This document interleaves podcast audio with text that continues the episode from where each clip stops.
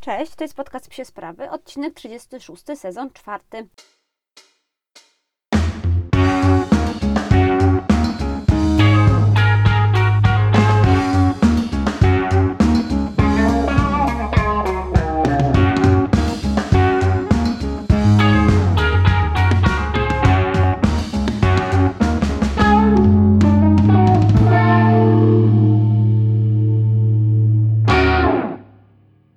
Co tam u nas słychać nowego? Ano, mieliśmy w ten weekend, znaczy ja miałam weekendowy trening motywacyjny, zainspirowany seminarium, na którym byłam w zeszłym tygodniu i może najpierw chwilę Wam o nim opowiem. Y, Byłam na seminarium zorganizowanym przez y, Pająka, przez Anię Pająk-Radomską, zawodniczkę i instruktora dog frisbee z Paulą Gumińską, na pewno Paulę dobrze kojarzycie. Paula teraz bardzo dużo robi seminariów o motywacji, o takiej pracy z psem, pracy, y, pracy psa z człowiekiem i właśnie o tym było to seminarium.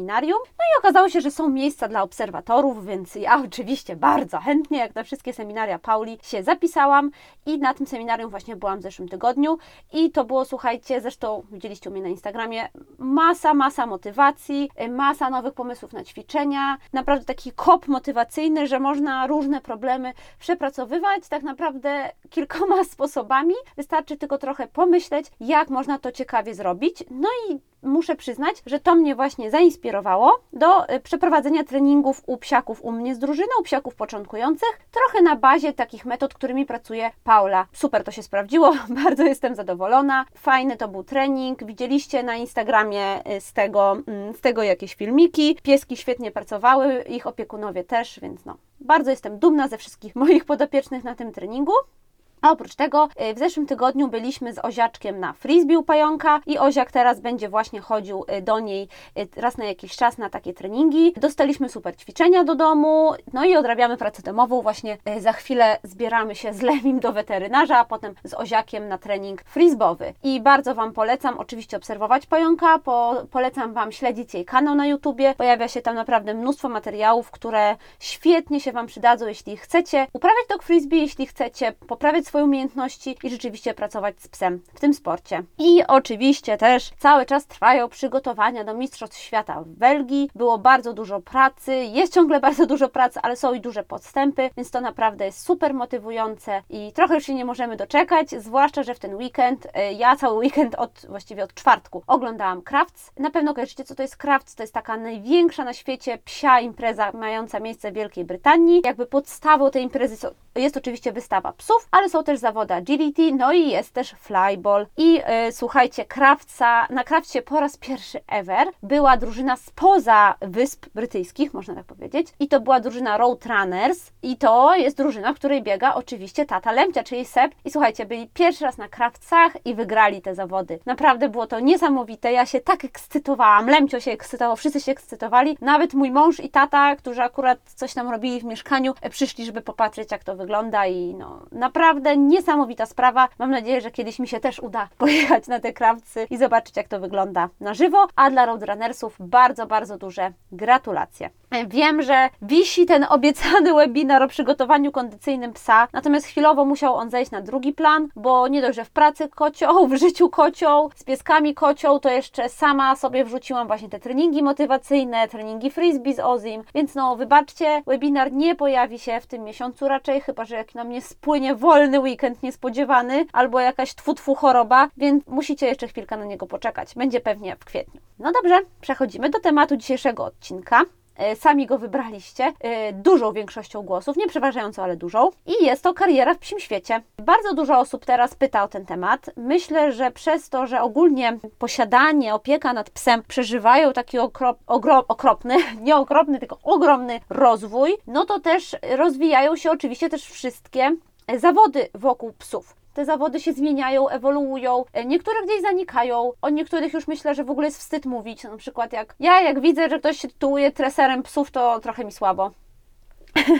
Niezależnie co by robił, to sama nazwa już jest żałosna. E, Więc myślę, że, że ta, te psie dyscypliny, tak jak się rozwijają psie sporty, to psie dyscypliny też będą się rozwijały tak, jestem pewna, że będą się rozwijały. I jeśli kochacie psy, jeśli lubicie pracować z psami, jeśli to jest gdzieś Wasze marzenie, dzisiaj zabrałam Wam kilka przykładów, w których możecie sobie zobaczyć, która być może z takich dyscyplin jest dla Was. Pamiętajcie też, że każdego dnia może powstać nowa dyscyplina. Jest też dużo dyscyplin, które mm, inaczej się nazywają, a znaczą trochę to samo. Myślę, że są też dyscypliny, które jeszcze się tak na tyle rozwijają, że jeszcze nie mają określonej nazwy. Więc te wszystkie, te wszystkie dyscypliny tutaj się nie pojawią, tutaj się pojawią te takie najbardziej uregulowane, w tym sensie, że będę Wam opowiadała, jak się do nich przygotować, jak się można ich uczyć, jak się w nich zarabia, jaka jest konkurencja, więc zobaczymy.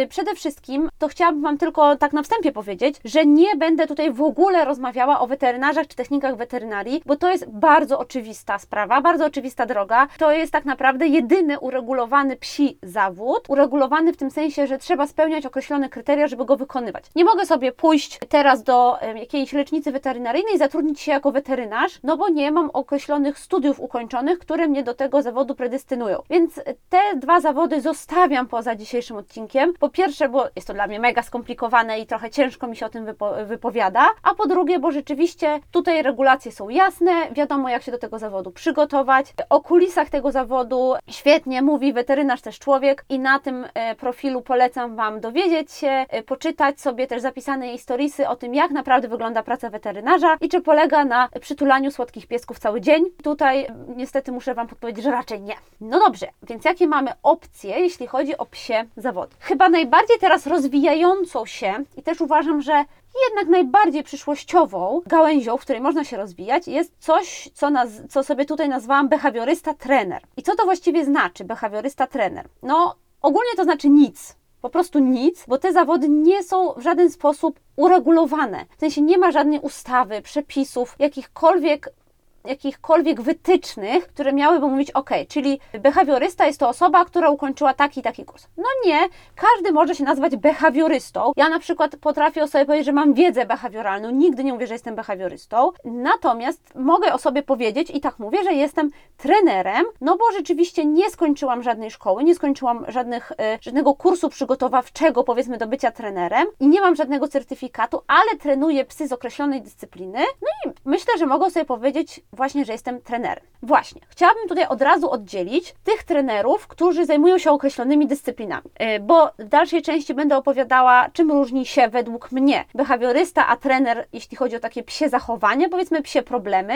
jeśli możemy to zgeneralizować, a czym różnią się i to jest zupełnie inna kategoria trenerzy danych sportów. No i właśnie trenerzy dog frisbee, obedience, flybola, agility to jest zupełnie inna kategoria i trenerem tego sportu można zostać po prostu trenując ten sport i dochodząc do takiego poziomu, w którym są jacyś ludzie, którzy chcą się od Ciebie uczyć i Ciebie słuchać. Więc to jest prosta kategoria. Myślę, że jest ona dla wszystkich bardzo jasna, bo na pytanie, jak zostać trenerem dog frisbee, odpowiadam, uprawiać frisbee. Robić to dobrze, mieć pasję do nauki i po prostu mieć ludzi, którzy chcą się od Ciebie uczyć. Natomiast jeśli chodzi o behawiorystę i trenera, no to ja tutaj jestem, tych psich zachowań oczywiście, to ja tutaj jestem, słuchajcie, bardzo, bardzo ostrożna, bo to jest totalnie szara strefa i wymaga ona od nas dużej ostrożności. Na pewno jeśli sami szukamy dla siebie, dla naszego psa behawiorysty i trenera, to warto być niesamowicie czujnym niesamowicie ostrożnym i sprawdzać, skąd dana osoba posiada wiedzę, gdzie się szkoliła lub Inaczej, ja też zakładam, że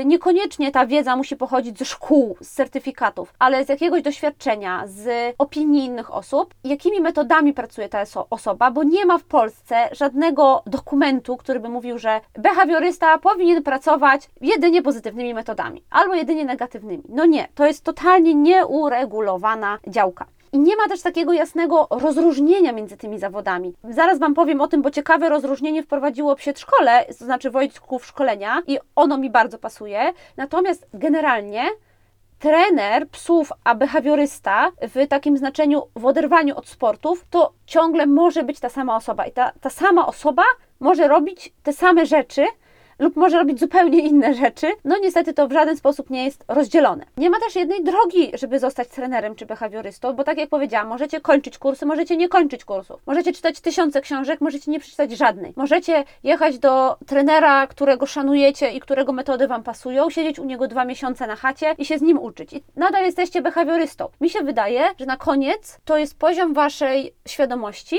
poziom Waszej pewności siebie i poziom Waszego przygotowania wewnętrznego do do nadania sobie imienia, miana właśnie takiego behawiorysty czy trenera. I są osoby, którym to przychodzi zbyt łatwo, a ja z prywatnego doświadczenia powiem Wam, że są osoby, którym to przychodzi zbyt trudno. I ja, tak jak przed Wami, jest mi łatwiej, bo siedzę i patrzę sobie w ścianę, jak nagrywam to. Jest mi łatwo powiedzieć, że jestem trenerem. Tak, tak na przykład osobom w, psi, w psim świecie jest mi czasem ciężko powiedzieć, że jestem trenerem, bo boję się posądzenia jednak o za małą wiedzę i umiejętności. Więc widzicie, jak to jest. No dobrze, jeszcze chciałam Wam tylko powiedzieć, że nie ma tego jasnego rozróżnienia między behawiorystą a trenerem. Mi się bardzo podoba rozróżnienie, jakie stosuje właśnie Wojtków szkolenia, że trener to jest ten pierwszy etap nauki, a behawiorysta drugi. I rzeczywiście to gdzieś dla mnie jest jasne, bo według mnie trener uczy takiego ogólnego, powiedzmy, posłuszeństwa, zachowań, komend, y, oczywiście też sportów. Y, to jest taki, taka osoba, która powinna Wam trochę ogarnąć zasady życia z psem.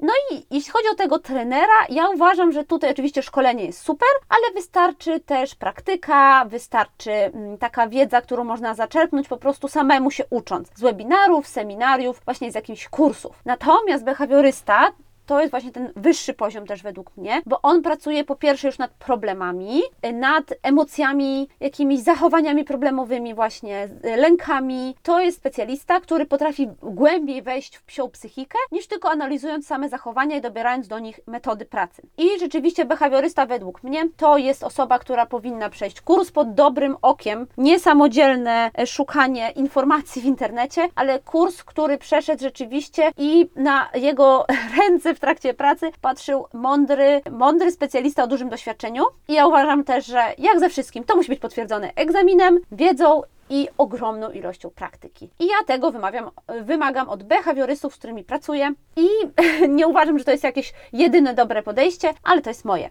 No i teraz pytacie, jak zostać trenerem? Jeśli chodzi o trenera, to rzeczywiście te self-study, czyli, czyli takie samodzielne zdobywanie wiedzy, ale też kursów, to jest na pewno ok. No i jeśli chodzi o behawiorystę, to tutaj ta ścieżka jest trochę bardziej skomplikowana i musi być skomplikowana, to jest dobre podejście. A więc dobra szkoła lub pod okiem dobrego trenera, tak jak zresztą przed chwilą mówiłam. No i teraz pytacie mnie, a jaka to dobra szkoła? Gdzie znaleźć dobrą szkołę? Ja nie jestem tutaj specjalistą, nie znam się nad tym jakoś mega dobrze, więc chciałabym Wam polecić dwa miejsca, które śledzę od bardzo, bardzo dawna. Znam specjalistów z tych szkół, pracowałam z nimi. Z dwójką z tych specjalistów pracowałam bardzo dużo, z jedną pracuję cały czas, co pewnie widzicie, z Karoliną dogłębnie. Więc to są miejsca, które ja mogę z ręką na sercu polecić, bo wiem, że produkują bardzo dobrych specjalistów i też osoby, które je prowadzą, są bardzo dobrymi specjalistami. Niestety obie, oba te miejsca są z Warszawy. Nie mogę, nie mogę się gdzieś tam odnieść do innych miast, bo niestety w nich nie bywam i też nie jestem aż tak bardzo związana z tym światem psim w, w tych miastach. Natomiast jeśli macie takie szkoły do polecenia, to bardzo chętnie je zbiorę tutaj dla innych. I pierwsza szkoła to jest oczywiście Wojtków Szkolenia. Do mnie bardzo przemawiają naukowe podstawy i wieloletnia praktyka Piotrka i Zosi, takie merytoryczne podejście, ciekawy sposób prowadzenia zajęć, webinarów, seminariów, y, ale też niesamowicie dobre opinie, polecenia nadal uważam y, przystępna cena kursu adekwatna do jakości, która tam jest prezentowana, bo znam osoby, które na tym kursie były, znam ich opinie i trochę mogę tutaj na ten temat powiedzieć. Naprawdę Wojtków Szkolenia to miejsce, gdzie dobrzy behawioryści się kształcą i dobrzy trenerzy. Bardzo fajnie też oni e, rozwiązują, e, rozwiązują taką, taki aspekt promocyjny swojej szkoły, bo rzeczywiście promują się bardzo fajnym edukacyjnym kontentem. E, polecam Wam też na Wojtków Szkolenia ich webinary. Sama mam mam chyba z pięć kupionych i jest to świetna dawka wiedzy. Naprawdę, ja powiem Wam, że mam takie okresy, kiedy sama się ciągle zastanawiam, czy, czy nie pójść do nich do tej szkoły i, i właśnie nie przejść sobie kursu. Kolejna szkoła z Warszawy, którą polecę i tutaj pracowałam aż z dwiema behawiorystkami, oczywiście z Karoliną z Dogłębnie, ale też wcześniej z Magdą Talk with the Dog, która też tę szkołę, szkołę skończyła i jest to szkoła Dobry Pies Agnieszki Nojszewskiej. Bardzo dużo słyszałam dobrego o dobrym psie.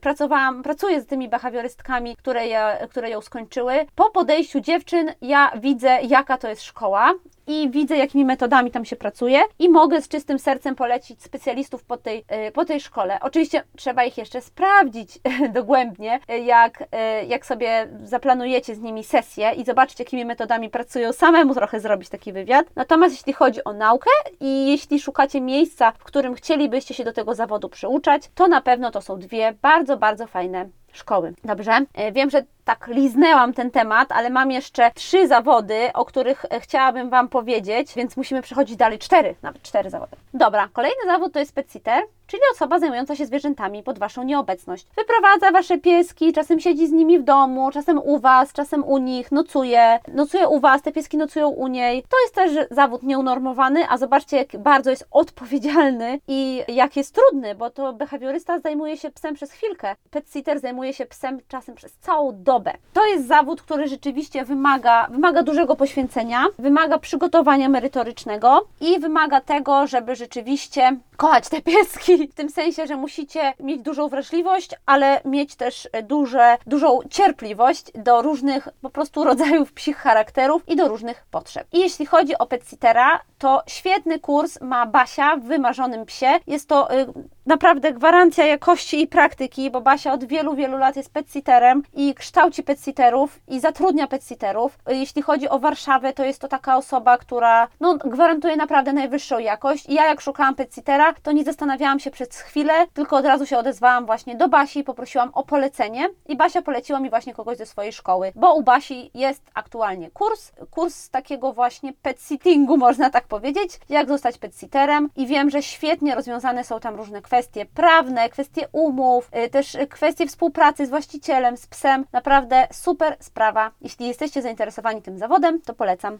No i kolejny zawód, i tutaj się na pewno bardzo zdziwicie, że to jest zawód nieuregulowany, bo to jest zawód y, okołomedyczny i to jest zawód, który może nieprawna osoba, osoba bez wiedzy i bez praktyki, może realnie uszkodzić waszego psa to fizycznie uszkodzić, może go doprowadzić po prostu do kalectwa nawet. I tu w ogóle jakby nie przesadzam, bo mówię o zoofizjoterapeucie. I tak, zawód zoofizjoterapeuty ciągle nie jest uregulowany w Polsce. Oczywiście mamy kilka uczelni, które na ten, tego zawodu kształcą. Jakby certyfikat, który się dostaje, to jest certyfikat Ministerstwa Edukacji Narodowej, taki potwierdzający umiejętności, ale to nie znaczy, że na przykład jak ja, bez takiego certyfikatu, chcę sobie pójść i postrzelać falą uderzeniową w mojego, jakby będzie mi groziła jakaś odpowiedzialność prawna. No nie. Może go uprawiać każdy i to właśnie zbliżenie do medycyny weterynaryjnej jest dla mnie super takie, wiecie o co mi chodzi. To jest naprawdę zawód, który wymaga ogromnej wiedzy, ogromnej praktyki, wymaga znajomości anatomii, fizjologii. To jest y, bardzo skomplikowana też wiedza, która się ciągle zmienia. Trzeba tę wiedzę cały czas gdzieś tam aktualizować, nadrabiać nowości i tak dalej. A tu nagle się okazuje, że tak naprawdę każdy może to robić. Więc mam nadzieję, że to niedługo będzie zawód uregulowany. Myślę, że jest dla Was jasne, co robi zoofizjoterapeuta, więc nie będę musiała, nie muszę o tym mówić. E, I jest wiele miejsc, gdzie można się tego zawodu uczyć. Wiem, że w Bydgoszczy, chyba w Szczecinie, na pewno w Warszawie w wielu miejscach, we Wrocławiu, ale ja Wam polecę jedno, najczęściej polecane miejsce i najbardziej znane. Ja skończyłam w tym miejscu dwa kursy. Znam mnóstwo osób, które tam skończyły też zoofizjoterapię i nie znam żadnej osoby, która by była niezadowolona albo przynajmniej mi nie mówiła, więc mogę też z czystym sercem polecić. Nie wypowiadam się o innych miejscach, bo ich nie znam.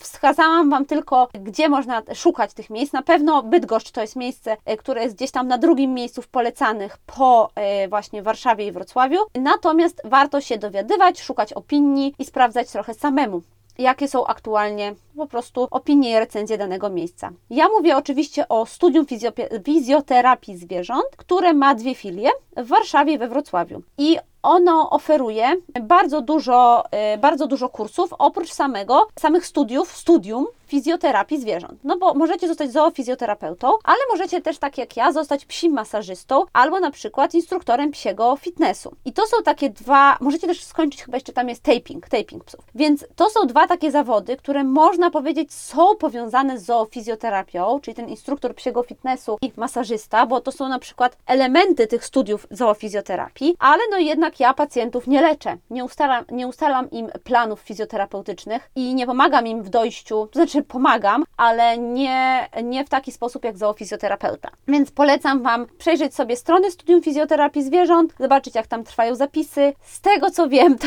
niestety na miejsce się trochę czeka i tutaj płynnie możemy przejść do następnego punktu, jaki to jest zawód. Przede wszystkim to jest zawód bardzo trudny, bo ciągle nie jest to zawód dobrze opłacalny. Nie wyobrażajcie sobie, że zoofizjoterapeuta fizjoterapeuci, nawet naj, naj, najlepsi, zarabiają tyle, co lekarze weterynarii, a w takim powiedzmy średniej półce, boże, tak trochę brzydko to nazwane, ale jeśli nie jesteście jakimś super znanym zoofizjoterapeutą, który dopiero zaczyna pracę, to rzeczywiście jest to raczej zawód dodatkowy, jest to zawód, który, przy którym, żeby się utrzymać w dużym mieście, trzeba jeszcze robić coś innego. I wolę Wam to powiedzieć teraz, żebyście później mi nie mówili, że Wam poleciłam coś, co nie jest opłacalne, więc no niestety na początku ten zawód bardzo opłacalny nie jest. I jest to też zawód trudny pod tym względem, że wymaga aktualizacji wiedzy, olbrzymiej wiedzy anatomicznej, pracy ze zwierzętami chorymi, często ze zwierzętami agresywnymi, ze zwierzętami z objawami bólowymi. Jest to naprawdę ciężka, ciężka praca, bo mało zdrowych psów przychodzi do zoofizjoterapeuty, pomimo iż powinny na takie badania okresowe, a bardzo często pojawiają się czas bardzo beznadziejne przypadki, bardzo często mnóstwo jest piesków otyłych,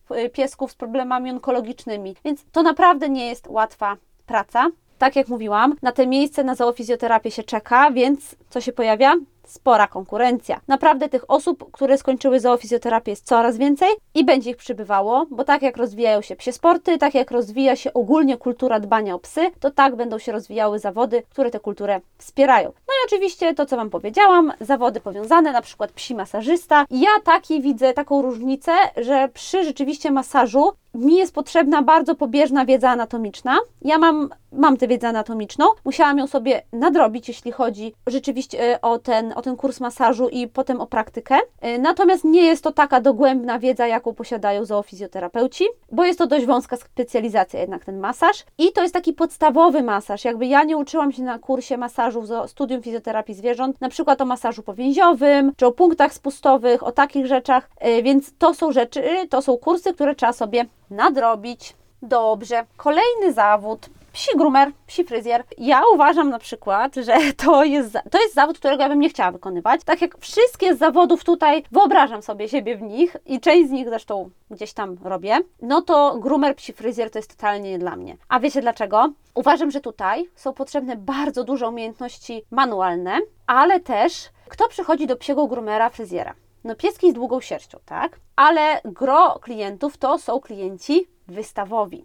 No właśnie. I ja mam jakieś takie poczucie, chyba przez to, że się naoglądałam e, Silva Animarium i Róży i jej e, pudelków, że to jest naprawdę strasznie ciężkie zadanie, strasznie ciężkie i trwało ono na przykład dwa dni, polecam właśnie u Róży Storyski, przygotowanie psa do wystawy. I pomyślcie, jaka to jest później waga tej wystawy. I ta odpowiedzialność spoczywa na Was, jeśli takim groomerem, psim fryzjerem jesteście.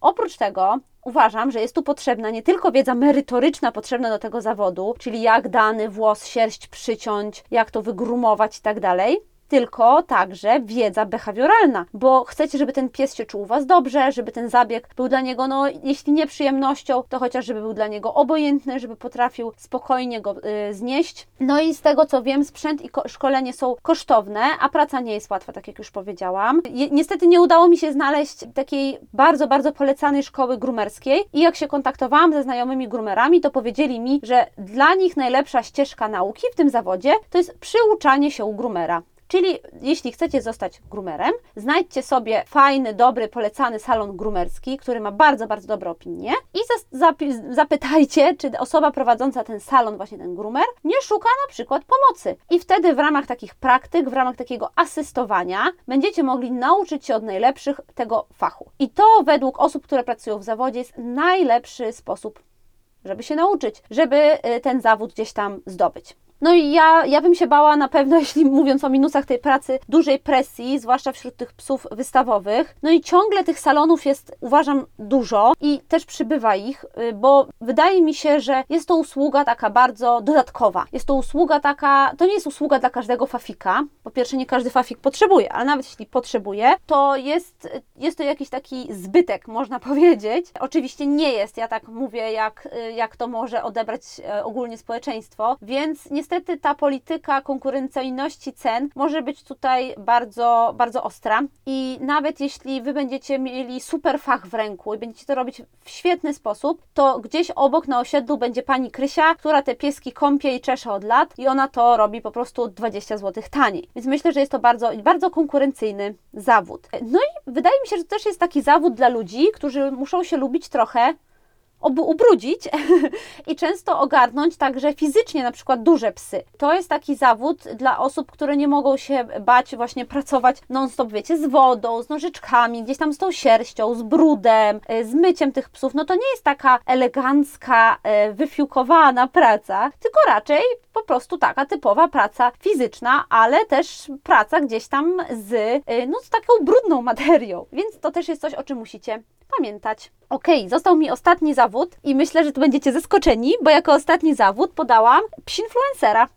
Dla mnie jest to zawód, który wymaga mnóstwo pracy i sama to czuję. Wprawdzie nie uważam, że jesteśmy jakimiś tutaj influencerami wielkimi, ale samo to, że właśnie prowadzimy dla Was e, i podcast, i te kanały social media, pokazuje mi, że ta produkcja kontentu trwa non-stop. I ja zawsze się łapię, że idę na spacer i okej, okay, muszę psom zrobić zdjęcie, muszę psom zrobić film. Pracuję z Ozim i teraz już jesteśmy ogarnięci w tej pracy, więc dobra, mogę robić Oziemu film, jak mijamy pieski, żeby Wam pokazać, co robimy. I potem piszecie do mnie, że te filmy filmy są super, że bardzo Wam pomagają, no i więc ja się motywuję, robię ich coraz więcej i to naprawdę zabiera bardzo dużo czasu. E, nie wiem, czy wiecie, ale na przykład przygotowywanie takich stories, w których ja obrabiam filmiki, jeśli mam na przykład 5-6 kafelków stories dla Was, dla was z filmikami, zajmuje, zajmuje mi to nawet 2-3 godziny. Ja wiem, że to tak brzmi, ale spróbujcie kiedyś sami. Naprawdę to zajmuje bardzo, bardzo długo. Co dla mnie jest ważne przy zawodzie influencera jest to, żeby towarzyszyła mu jakaś jakość, przesłanie, misja. I nawet jeśli misją jest pokazanie, że małe pieski są nie tylko słodkie, ale też zadziorne,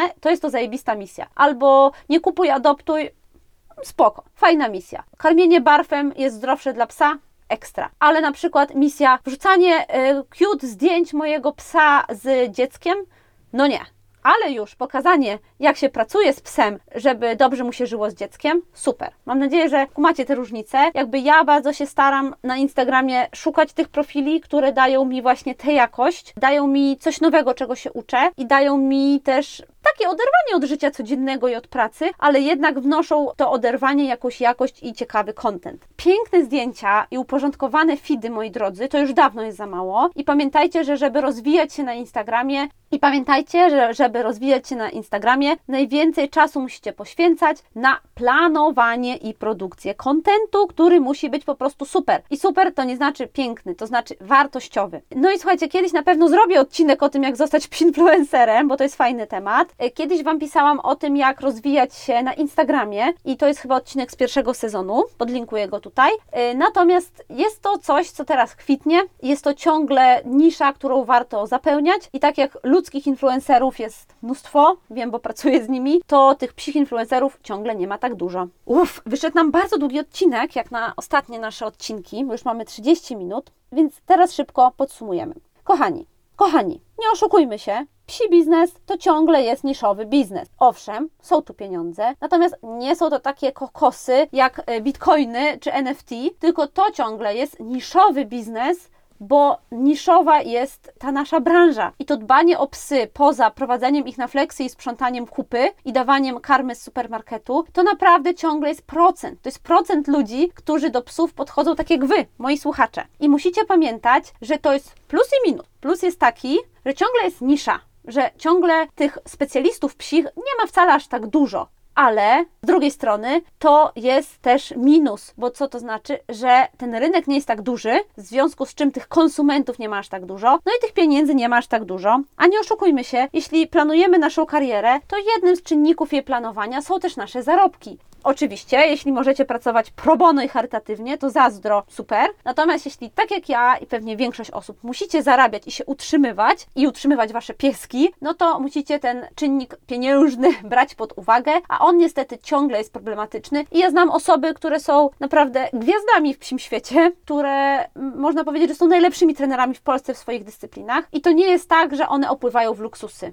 Ciągle. Więc y, pamiętajcie o tym. E, natomiast nie można też się tutaj załamywać. Jeśli się mądrze prowadzi tę swoją karierę, to można dojść do poziomu, w którym można naprawdę fajnie żyć i pracować z tej pasji. Co więcej, szkolenia we wszystkich tych dziedzinach, o których Ci powiedziałam, zajmują sporo czasu i są dość kosztowne. E, To ciągle nie jest taka bardzo tania branża i tych szkoleń nie ma aż tak dużo, więc rzeczywiście, żeby znaleźć te wartościowe, to trzeba się trochę naszukać, trzeba poświęcić im trochę czasu, no i oczywiście trochę za nie zapłacić. Co dla mnie jest też takie deprymujące w tym środowisku, szczerze Wam powiem, to to, że ono jest dość wąskie, właśnie przez tą ilość konsumentów, o której Wam powiedziałam, ale też ilość trenerów i jest dość oceniające. Y, Przynajmniej ja się tak spotykam z różnymi, z różnymi nieprzyjemnymi sytuacjami, z, różnymi, z różnym ocenianiem innych trenerów i innych i metod przede wszystkim, którymi pracują. Dla wrażliwych osób, dla, dla takich, które jeszcze nie są bardzo pewne siebie, na pewno może być to minus i może być to przeszkoda, ale może to jest znak, że musimy zmienić ten świat, musimy zmienić to środowisko i musimy spróbować wprowadzić do niego więcej